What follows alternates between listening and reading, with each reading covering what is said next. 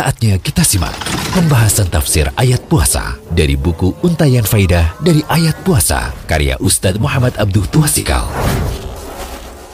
Alhamdulillah, salatu wassalamu ala rasulillah wa ala alihi wa wasallam Kali ini kita berada di audio ke-15 Yaitu mengenai uh, buku Untayan Faidah dari Ayat Puasa Yang diterbitkan oleh penerbit Rumaiso Penulis kami sendiri Muhammad Abdul Tuasikal.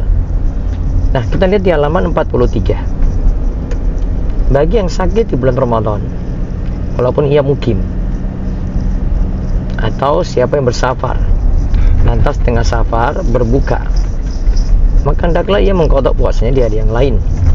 Setelah Ramadan sesuai dengan hari tidak puasa.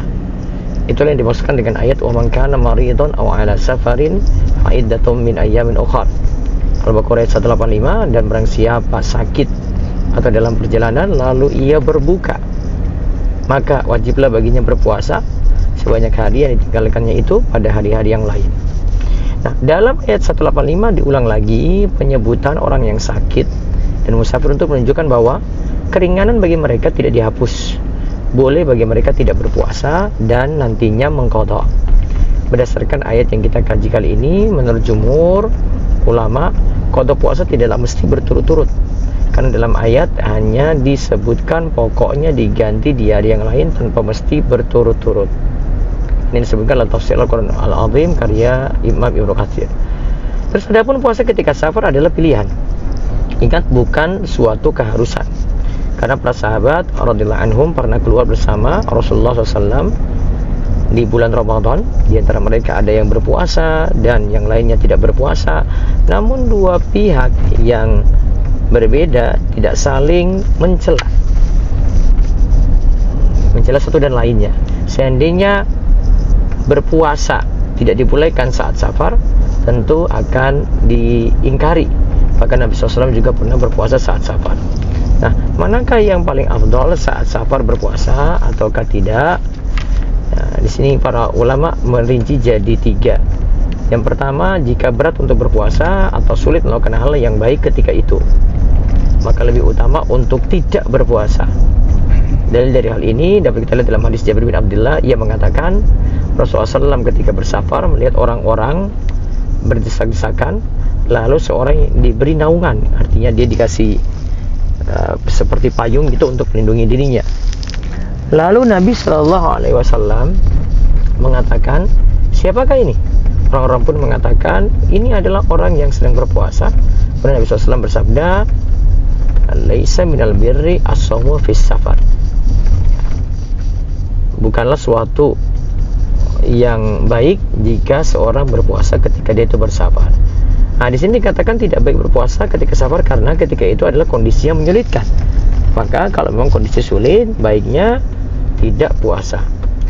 Adapun kondisi kedua adalah jika tidak memberatkan untuk berpuasa dan tidak menyulitkan untuk melakukan hal kebaikan maka pada saat ini lebih utama untuk berpuasa. Hal ini sebagaimana dicontohkan oleh Nabi SAW di mana beliau masih tetap berpuasa ketika safar.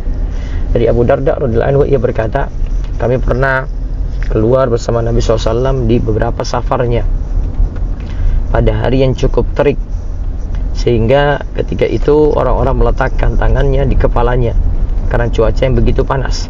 Di antara kami tidak ada yang berpuasa, hanya Nabi SAW saja dan Ibnu Rawaha yang berpuasa ketika itu. Ya. apabila tidak terlalu menyulitkan ketika safar maka puasa itu lebih baik karena lebih cepat terlepasnya kewajiban. Begitu pula hal ini lebih mudah dilakukan karena berpuasa dengan orang banyak itu lebih menyenangkan daripada mengkodok puasa sendiri sedangkan orang-orang tidak berpuasa. Kondisi ketiga adalah jika berpuasa akan mendapatkan kesulitan yang berat bahkan dapat mengantarkan pada kematian maka pada saat ini wajib tidak berpuasa dan diharamkan untuk berpuasa hadisnya dari Jabir radhiallahu anhu beliau berkata sesungguhnya Rasulullah Shallallahu Alaihi Wasallam keluar pada Fatul Mekah 8 Hijriah menuju Mekah di bulan Ramadan. Beliau ketika itu berpuasa. Kemudian ketika sampai di Qura Al-Ghamim, suatu lembah antara Mekah dan Madinah, orang-orang ketika itu masih berpuasa. Kemudian beliau minta diambilkan segelas air. lalu beliau mengangkatnya dan orang-orang memperhatikan beliau. Dan beliau pun meminum air tersebut. Setelah beliau melakukan hal tadi ada yang mengatakan sungguhnya sebagian orang ada yang tetap berpuasa. Maka Rasulullah SAW pun mengatakan mereka itu adalah orang yang durhaka mereka itu adalah orang yang durhaka. Ula ikal ausatu ula ikal ausatu hadis riwayat muslim. Nabi SAW menjelaskan keras karena berpuasa dalam kondisi sangat-sangat sulit seperti ini adalah suatu yang tercela intinya ada keringanan ketika sakit dan safar tadi ini adalah bagian dari kemudahan dalam Islam. Allah menginginkan kemudahan berarti karena Allah berfirman dalam Al-Baqarah ayat 185 yang kita kaji, yuridullahu bikumul yusra wala yuridu bikumul usra. Allah mengendaki kemudahan bagimu dan tidak mengendaki kesukaran bagimu. Dan kasih Allah berkata, sesungguhnya diberikan keringanan bagi kalian untuk tidak berpuasa ketika sakit dan saat bersafar. Namun puasa ini wajib bagi yang mukim dan sehat itu semua adalah kemudahan dan rahmat Allah bagi kalian. Ibnu Katsir rahimahullah juga berkata dalam kitab yang sama, sesungguhnya diberikan keringanan bagi kalian untuk tidak berpuasa saat sakit dan safar. Juga ketika mendapati uzur semisal itu karena Allah menginginkan bagi kalian kemudahan, namun puasa tersebut tetap diperintahkan atau dikodok atau diganti di hari lainnya untuk menyempurnakan puasa Ramadan kalian. Syekh Ibrahim bin Nasir Sa'di rahimahullah berkata, Allah memberikan kemudahan supaya kalian menggapai ridha Allah. Kemudahan yang diberikan begitu besar itulah ajaran yang ada dalam syariat Islam. Semoga jadi ilmu yang manfaat. Demikian pembahasan tafsir ayat puasa dari buku Untayan Faidah dari Ayat Puasa karya Ustaz Muhammad Abdul Tuasikal.